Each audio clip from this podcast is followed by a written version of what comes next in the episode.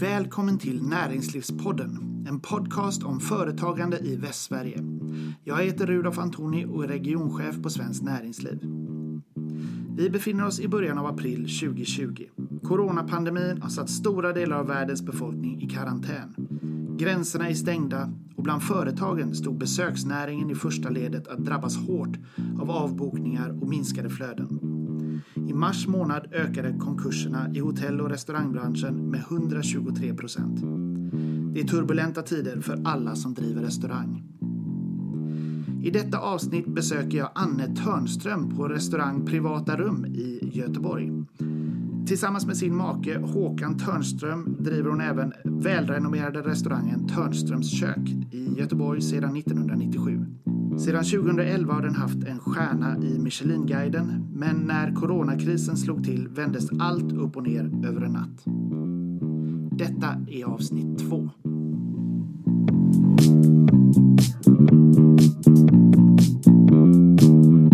Ja, då sitter jag här nu med Anne Törnström. Välkommen till Näringslivspodden. Tack så mycket. Eh, Jag tänkte du skulle få börja med att berätta lite grann om, eh, både om, om dig själv och eh, er verksamhet. Mm.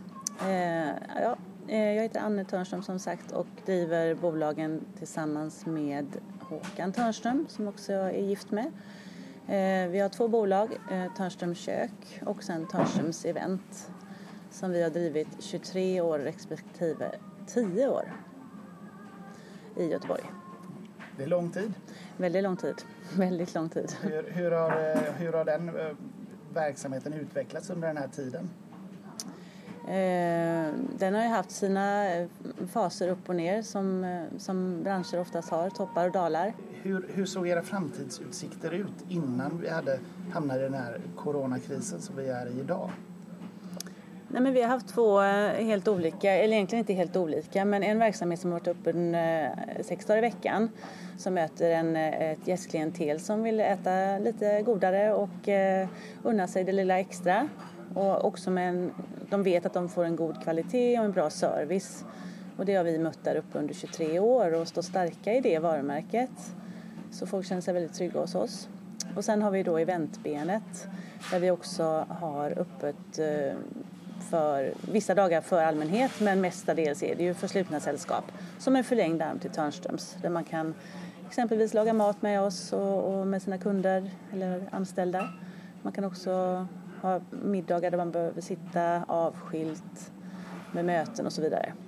Så att, Det rullade på rätt bra. absolut, vi, absolut. De här tio åren liksom har verkligen bara blivit mer och mer av varan. Eh, Folk känner till oss bättre och så. Och så sitter vi här idag. Mm. Eh, berätta om er, er situation idag och hur, hur upplevelsen har varit så att säga från er sida.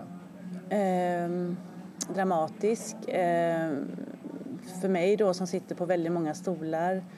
Alldeles för många just nu inser jag ju. Men det är så när man är liten. Jag sitter med ekonomi, personal, eh, marknadsföring, eh, struktur och logistik. Så det blir ju oerhört många var ska jag börja då när allting faller? Och då får man ju ta ett djupt andetag och känna in eh, noggrant innan man handlar. Och det fick vi ju göra väldigt snabbt. Vad läcker det mest? Vad kan jag liksom täta? För det viktigaste för oss är att behålla bolagen. Annars har ingen jobb när vi kommer ur på andra sidan. Det är viktigt. Och det har varit fruktansvärda beslut att ta framför personal som alltid har stått där och funnits där. Så att det, det där var en mörk dag faktiskt. Den värsta i mitt, mitt arbetsliv måste jag säga. Ja. För det var som att botten gick ur, bokningarna försvann. De, det, det var som en eh, domini, de bara föll liksom. En föll och sen så föll alla. Och det skedde den 16 mars eh, på eftermiddagen. Då såg vi raset liksom. så två, två och en halv vecka sedan. Ja, precis. Och eh, sammanfattade lite på tisdagen då, eh, jag och Håkan och jag sa att vi måste göra någonting här för det rinner, vi har väldigt stora omkostnader på Törnströms kök. Det är en dyr maskin och, och, eh, med Törnströms kök, öppet sex dagar i veckan, höga personalkostnader. Så det var där jag kände att vi måste ta ett beslut eh, så vi minskar det. Men samtidigt kan vi ju inte ta bort alla, för då kan vi inte ens växa. Så det är viktigt att växa och då såg jag eventbolaget som kan producera. Så samma dag tog vi då beslut att nu kör vi ut luncher. Må det bära eller brista. Vi hade inte en bokning på en lunch. Vi hade aldrig gjort det förut. Men tog plats på, eh, på Gustav Adolfs torg med vår eh, cateringbil. Ja. Och körde ut de här 100 lådorna. Som sen ökade faktiskt efter några dagar till 300 lådor. Okej. Eh, på olika håll i staden. Ja. Så snabbt agerande då också samtidigt som man bromsar. Att snabbt skjuta ut någonting annat. Hitta en annan, en annan väg Ja. framåt.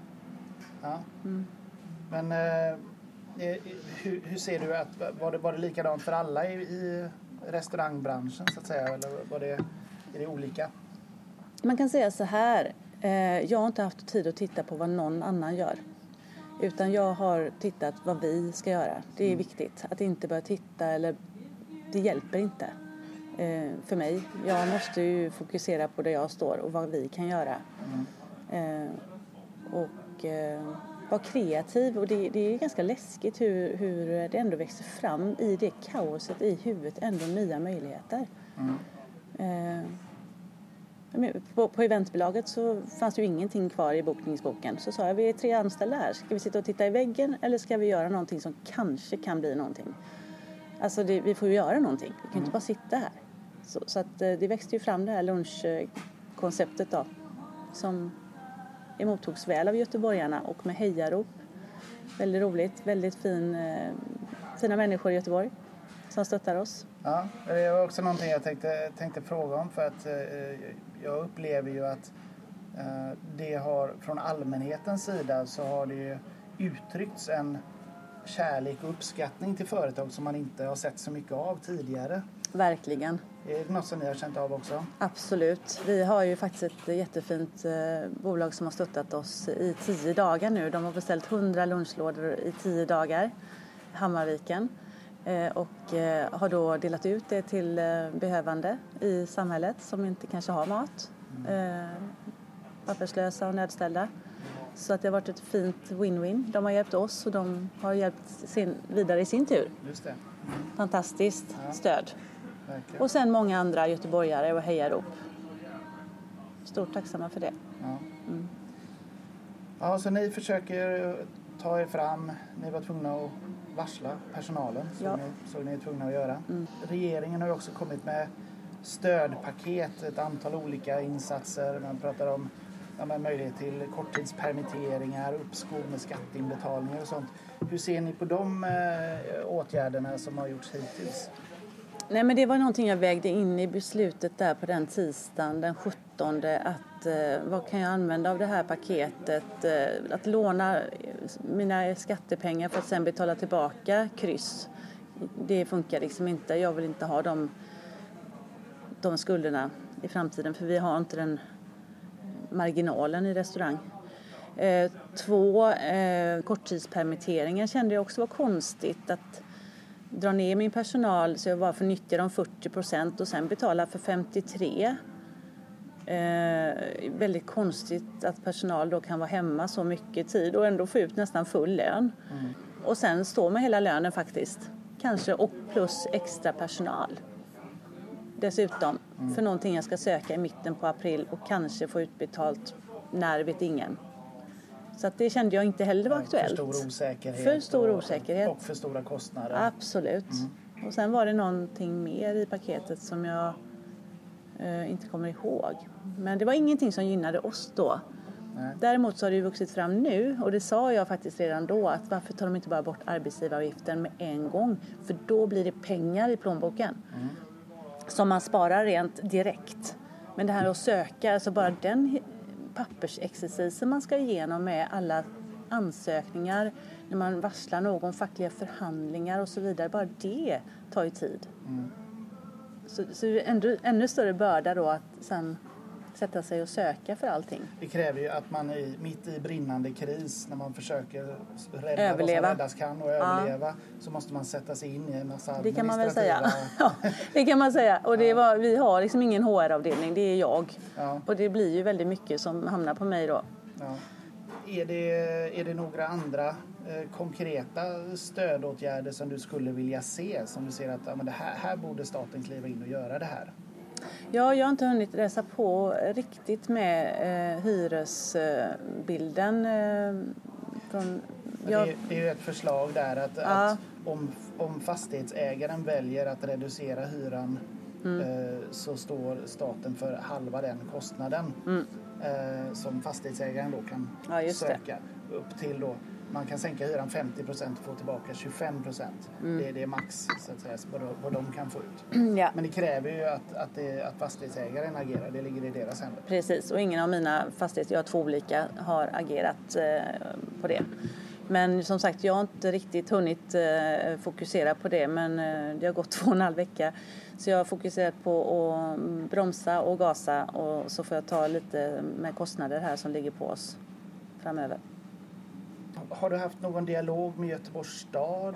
Hur, hur, ser du att de har agerat? Har ni fått något stöd därifrån? Men vi har ju mycket via vår branschorganisation Visita som, eh, som jag får mycket information från.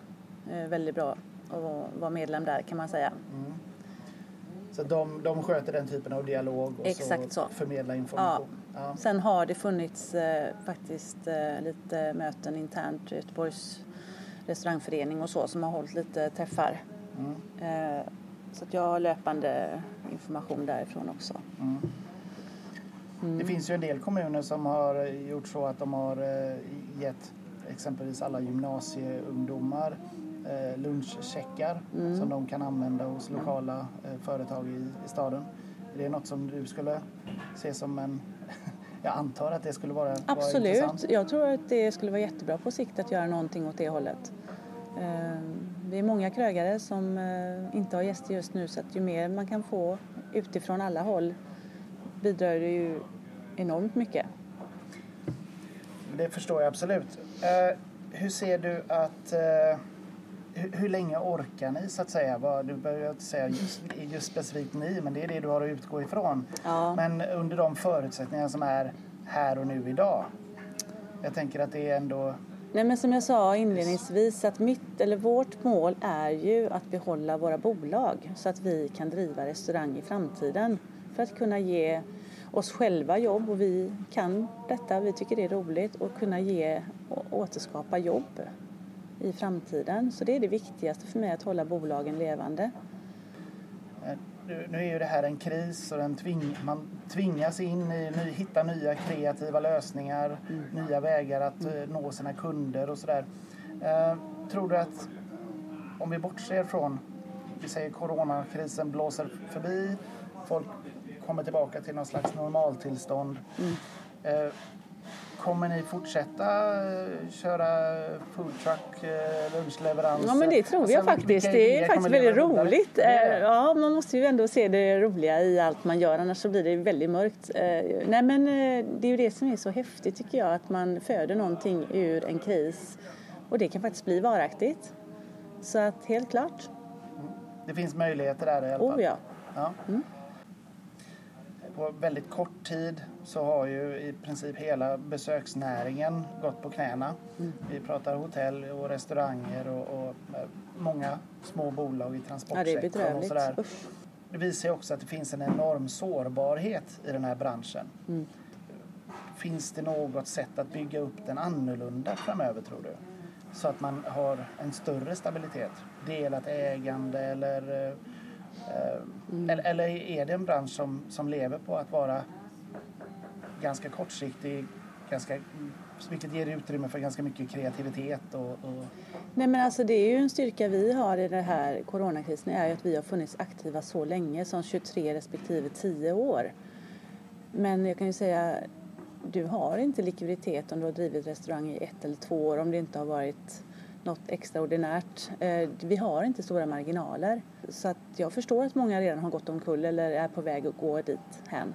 Vilket är fruktansvärt, för det är ju en dröm. Det är ju någonting man har trott på. Man har tagit sina besparingar och satsat och så på så kort tid slås omkull. Även vi har ju självklart kommer ju inte gå, gå obemärkta ur det här även om vi står kvar som företag. Det känns ju såklart. Eh, men där kan jag inte titta nu. Nu måste jag titta framåt. Jag kan inte liksom titta på vad jag förlorar utan vad kan jag vinna istället. Mm. Mm. Har ni några mer idéer i bakfickan, S i rockärmen, något som du funderar på som du skulle vilja prova som eh, kan komma framöver? Jo, men det poppar popcorn i huvudet hela tiden om man säger så. Den är inte tyst så många timmar per dygn, min hjärna, utan den, den spinner. Men det är också farligt för man måste ta hand om sig. Mm. Annars kan det gå också fel.